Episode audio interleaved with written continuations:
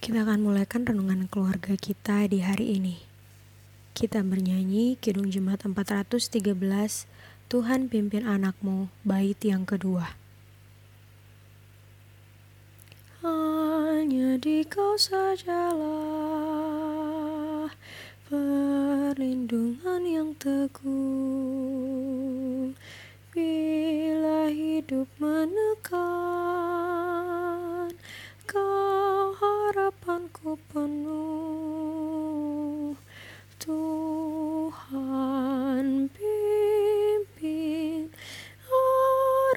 hidup menderas agar jangan ku sesat pegang tanganku erat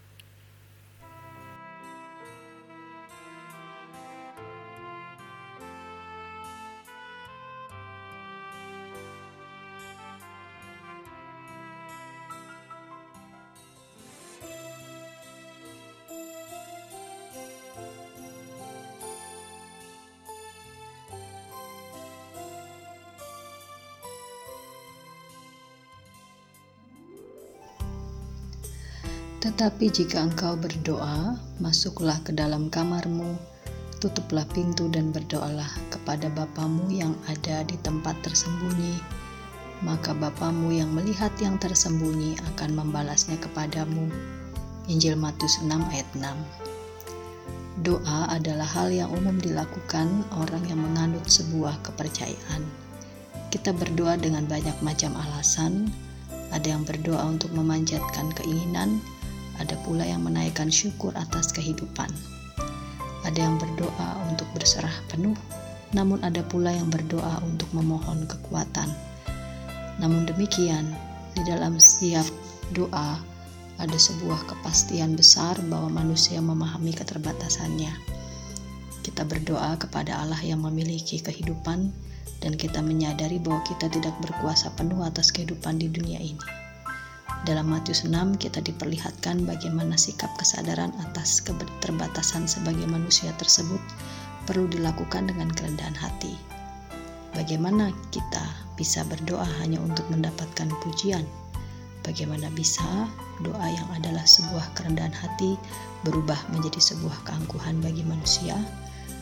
Dalam situasi pandemi saat ini kita dapat melakukan banyak hal, namun kita juga harus menyadari bahwa kita begitu terbatas atas apa yang terjadi, sehingga tidak hanya dengan melakukan tindakan dengan mengandalkan diri kita sendiri, namun perlu pula diseimbangkan dengan berserah pada apa yang dikehendaki Allah dalam kehidupan di dunia.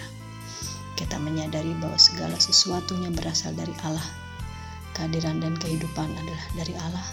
Oleh karena itu, menaikkan doa kita dengan kerendahan hati yang penuh dapat menunjukkan kesungguhan hati kita yang berserah atas apa yang terjadi di dunia yang dicintai Allah. Kita menunjukkan iman kita dengan percaya atas kebaikan dan cinta Allah atas dunia. Amin.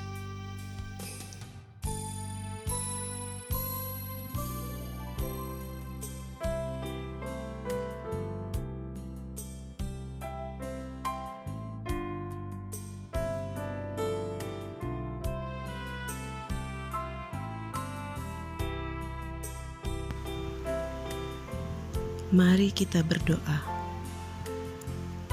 Ya Allah, dengan kerendahan hati kami berdoa bagi dunia agar selalu berada dalam pemulihan dan perlindunganmu. Amin. Demikianlah renungan kita pada hari ini. Tuhan Yesus memberkati.